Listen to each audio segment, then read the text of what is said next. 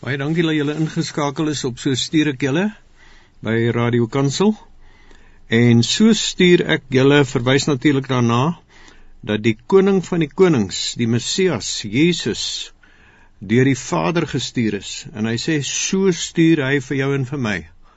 En dit beteken is 'n baie groot unieke voorreg om 'n gestuurde van die Here te wees en en almal van ons is as dit weerklank vind in jou hart as jy beskikbaar is daarvoor as jy die Here Jesus beter leer ken en hom bekend maak.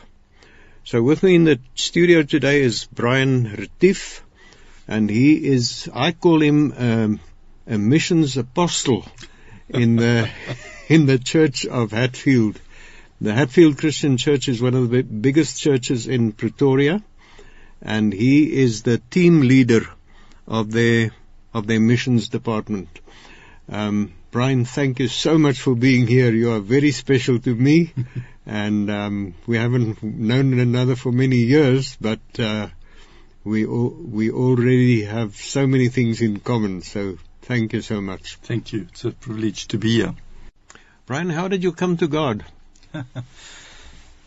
well, Murray, I was. Um, uh, I was an adopted child, and at a very young age, as a baby, and um, I somehow, as I, I, remember growing up, I had this hunger for God, um, maybe inquisitiveness, you know, wanting to know more. And my my adopted father died at about seven year, when I was seven years old. Uh, we had a motor car accident, that must and have been a tremendous shock to you. I th- it was a very traumatic experience, and uh, especially being so young, and I felt very rejected, very uh, still from being adopted, and and uh, and then that was like a second blow in a sense, and yet there was this this this hunger in me for something more. And um, growing up at school, we were in a little uh, what do you call it, mining town, and growing up at school, I uh, I've, I was never really part of everything. I always felt a bit out, you know. And um, but my mother struggled uh, as a widow, and the, the church there in uh, in the town we were reached out to her, and they. So I went to the church probably from then about eight years, nine years old, and um, and I just had a hunger. And one day, uh, an evangelist from America came. I don't remember what his name is, but he came to the little church there. It was a small little Baptist church. And, um, and I remember going forward at the altar call and giving my life to Jesus. I remember crying and really experiencing something special. And, uh, uh, I started with my quiet times and I really started trying to serve God. But in all those years, I I really battled to find God, uh, in a sense. For me, I, I, think I'm a very practical person, and and for me, I read the Bible and it just felt like I needed to know God, and I didn't have this. In fact, I've battled with assurance of salvation for many years. I remember going to many people and saying to them, "Please help me." Um, I was so so scared, even though I'd given my life to Jesus. I was so scared of altar call because I always felt I must go again. and uh, I hated it if somebody said to me, uh, "If you die tonight, where would you go?"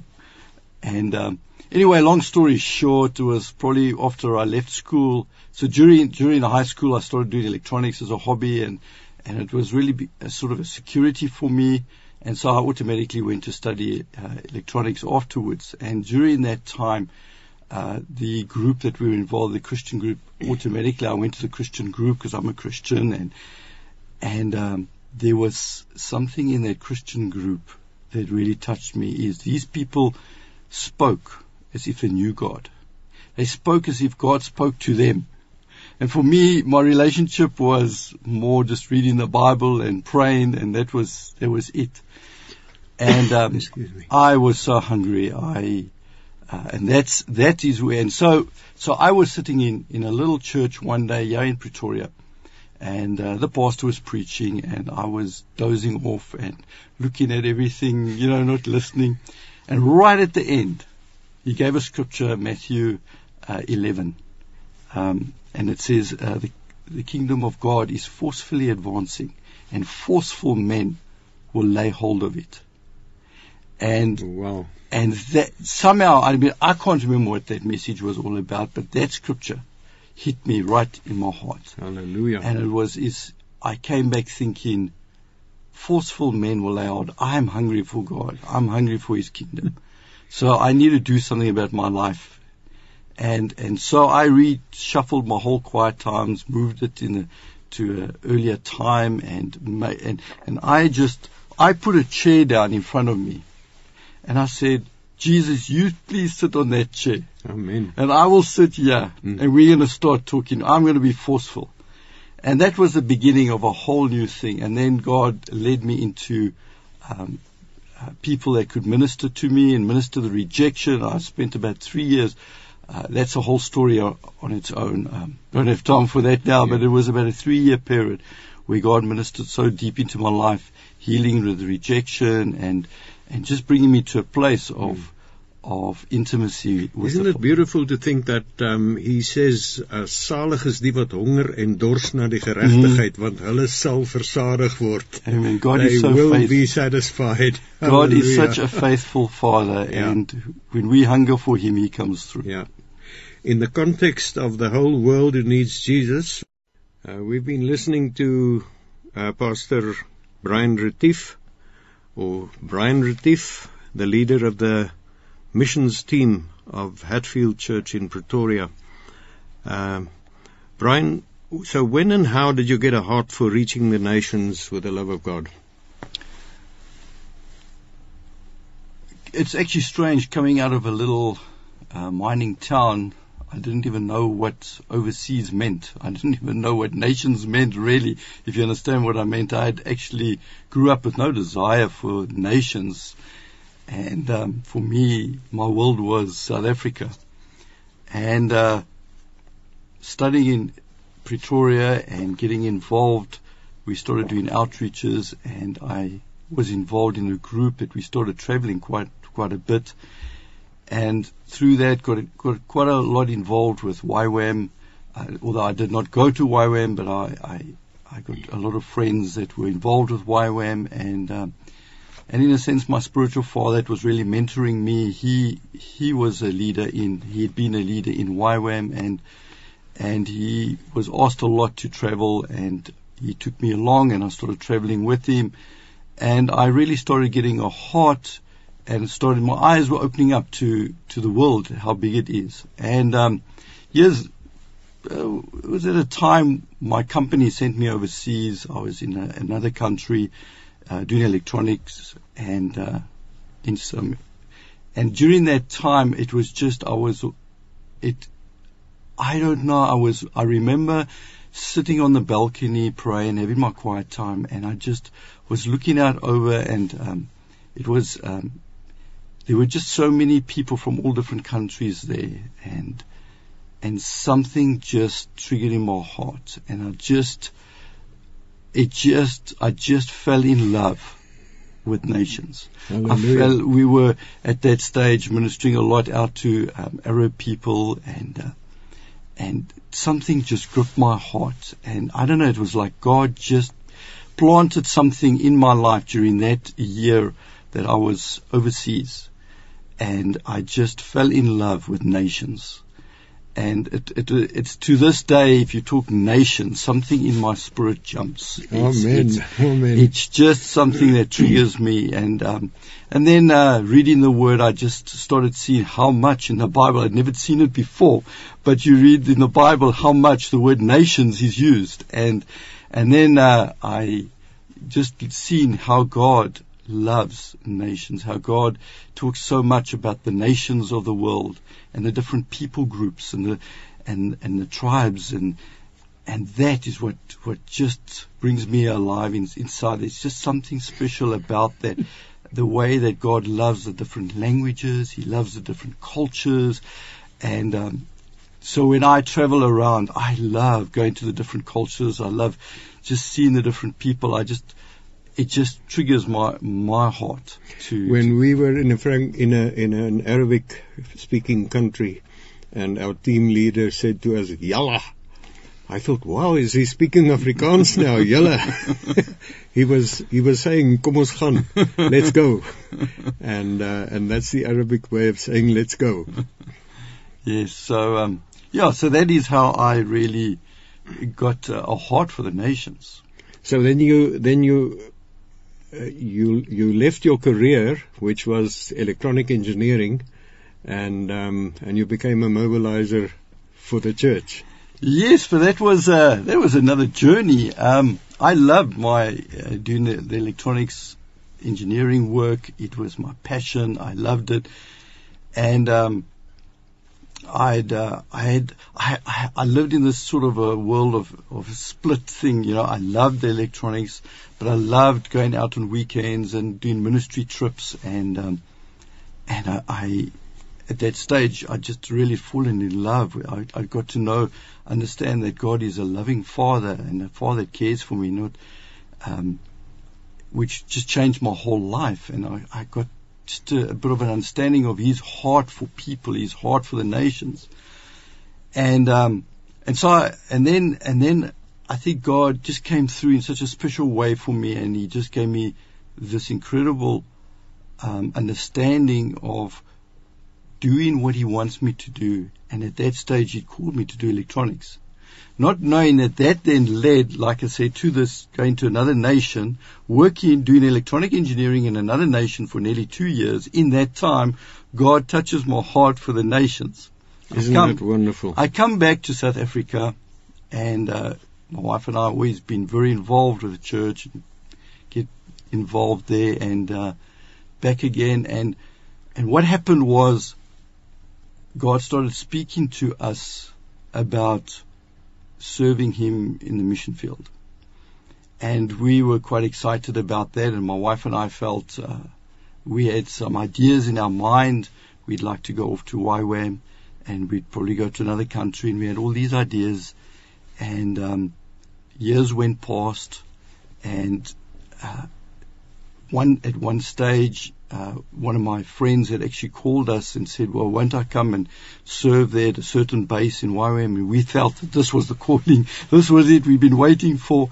And as we prayed about it, we felt the Lord saying, not yet. And I went to my leaders in the church and they prayed with us and they all came back with the same word without even praying with each other. You know, they came back and said, right call, wrong time.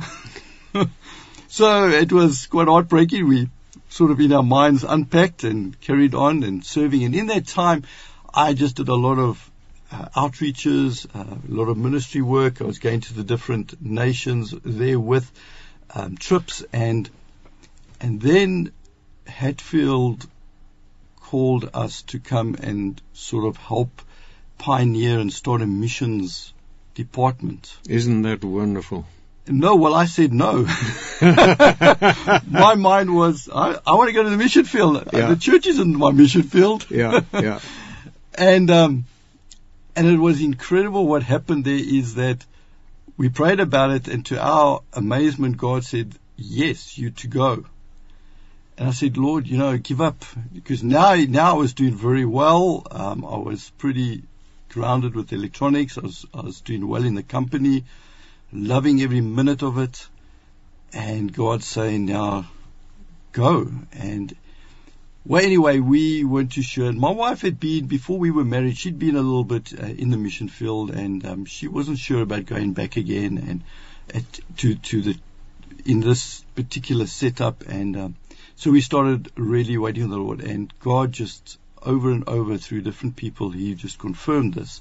I remember one day um, so I was, I was, I was, I must explain this one. I was in Zimbabwe on a on a mission trip, and I was walking in the veld one day, just talking to to Father God and just chatting my heart out, and I suddenly saw this vision, and I saw a a, a large aeroplane. It's the, um, the C-130, the Hercules C-130.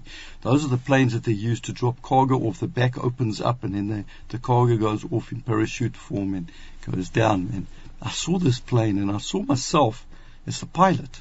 Wow. And at the and and at the back there was teams and the teams there was food and there were missionaries there were all all kinds of stuff that the nations needed and um and I saw myself put in the mission plan, in, and, and it was as if the Lord said, "That's the Holy Spirit guiding us." You know, waypoint one, waypoint two, and so on. And we're flying over the nations, and at the different waypoints, um, I open up the back, and the teams jump out, and I'm mobilizing these teams all over the world. Um, with the gospel and helping with well, more than that, it was food packages and all kinds of stuff. And um, that that really stuck in my head. That that vision. It was so vivid. And now we're busy praying about Hatfield and this, you know, trying to decide, Lord, is this really from you? Because it's not the mission field. Yes, it's mission work, but it's not a, a foreign country. And uh, I remember one girl the one night in one of our cell meetings suddenly looks at me and she says, I see an aeroplane taking off.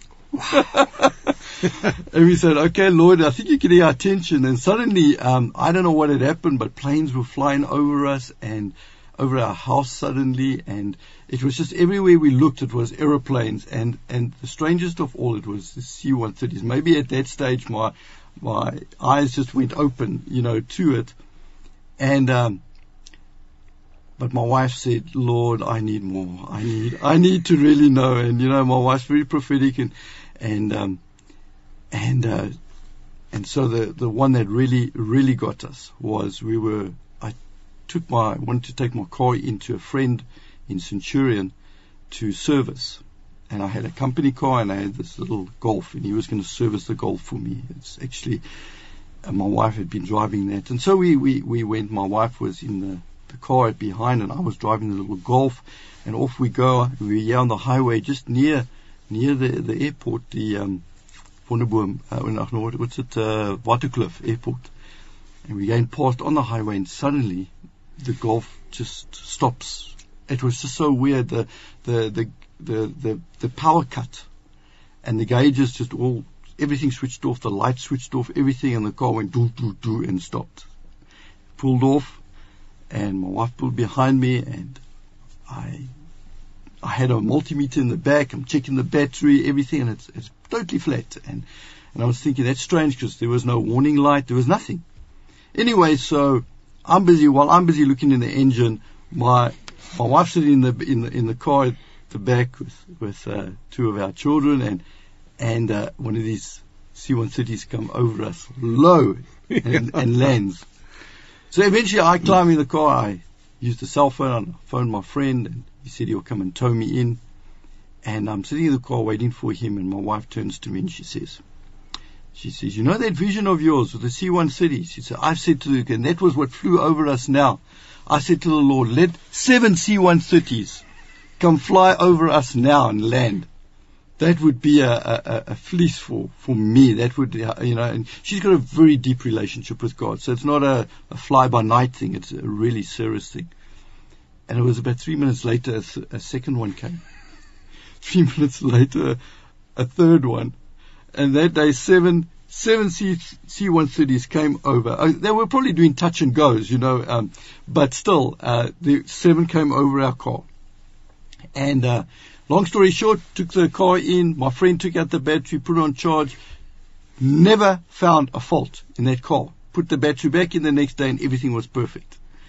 And, um, so that was just some of the things that God and we knew. So that's that's what caused us to to leave the the electronics eventually, and we moved over and we took up the role in Hatfield, um, working along a pastor and establishing a, a missions department. Wonderful. Thank you so much for doing that. Thank you for who you are and what you do.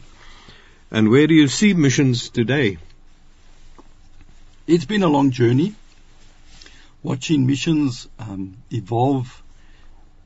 If I think now, been um, it's been excuse me 20, 20 odd years with Hatfield, 20 years, and um, I think what's been special is I God really gave me a heart for the church as well, and so I see myself as my one foot in the missions world and my one foot in the church. Bridge builder. Bridge builder between the two, and um, uh, and uh, just to it's as if they, the two speak sometimes different languages, just to connect it all. And, and so what uh, I see is um, when I started, we were all, it was before the year 2000. And it was all about uh, uh, reaching all the people groups before the year 2000. Hmm. And then 2000 hit us. Then the job wasn't finished and the yet. job wasn't finished, and uh, it was uh, you know how it felt there. It was Yeah. there were a lot of uh, mission agencies that actually stopped, and because their whole vision had come to an end, they'd sort of put their vision to the year 2000. But then things got exciting because things started changing in the world, and I th- I think that God has moved us on into a new era of globalization um, it's not so much the reaching the, the people group anymore because the people group are now so scattered. Where you know you walk outside here and there's people groups from all the countries, and I think God is just doing. And there's so many different strategies, mission strategies, just popping up, and different ways of doing things. So I've got a, I've got this uh, just been involved with. You know, we've put together a lot of missionaries that, that our church sends out. We've got a lot of um, work that we do and money just looking at it I I don't think there's a right and a wrong strategy. I think God is in a place and if you look at now with the, the COVID, the shakings that are going on, things are again changing. Things are changing so much. So you had um, ISIS attacks that, that caused many um, refugees to move, you caused people to move. The world has, has shifted uh, just a while back, I was in Greece at the refugee camps there, and just seeing what God is doing there, the the, the amazing work He's doing there, and I'm realizing that that God's heart is that all would come to Him. Amen. God's heart is to touch the nations. He's not willing for any to perish, but all to come to repentance. Amen. And there's there's there's nations that don't have missionaries. There's nations that um, that have a flood of them. Yeah. But it's like God is just causing where nations don't have missionaries, they come into countries that do that that that are Christian, and there's just this whole globalization, this whole integration taking place, and it's like all the strategies that people have, it's like God's just using all of them. Yeah, yeah. He's using all of them to touch. He's to bring back the nations back to Him, and so I know I'm, I'm maybe in a sense watering down missions, but I, I'm not. I've got a, I, I really have a heart to, to, for, for people to go out into, into the world and, and reach the lost and as missionaries. But I do believe the mission field has become right on our doorstep as well. Yeah. And I think it's a time when the church can be the most vibrant as ever before in missions. Yeah, yeah. Because the the missions has come to the doorsteps of the church, Yeah. especially here in South Africa where we are, and the nations are here around us, and um, so I don't think there's any any any more like one strategy. Let's reach all the unreached people, or it's just uh, God is pouring out a new thing in the hearts of, of the people, and I think what God is doing is he's, he's stirring the believers, he's stirring the churches to to reach the unreached. If um, we if we see the situation that you're talking about, and um, and we know that um, that Jesus is coming soon, then we have limited time to be on the right path towards completing the job. And um, we would love to speak to you again, and uh, and within a week or so, we will um, we will ask you to tell us how everybody in the church can be involved in contributing, whether they're at home, whether they're in another country or whatever. So thank you so much. God bless you. Thank you.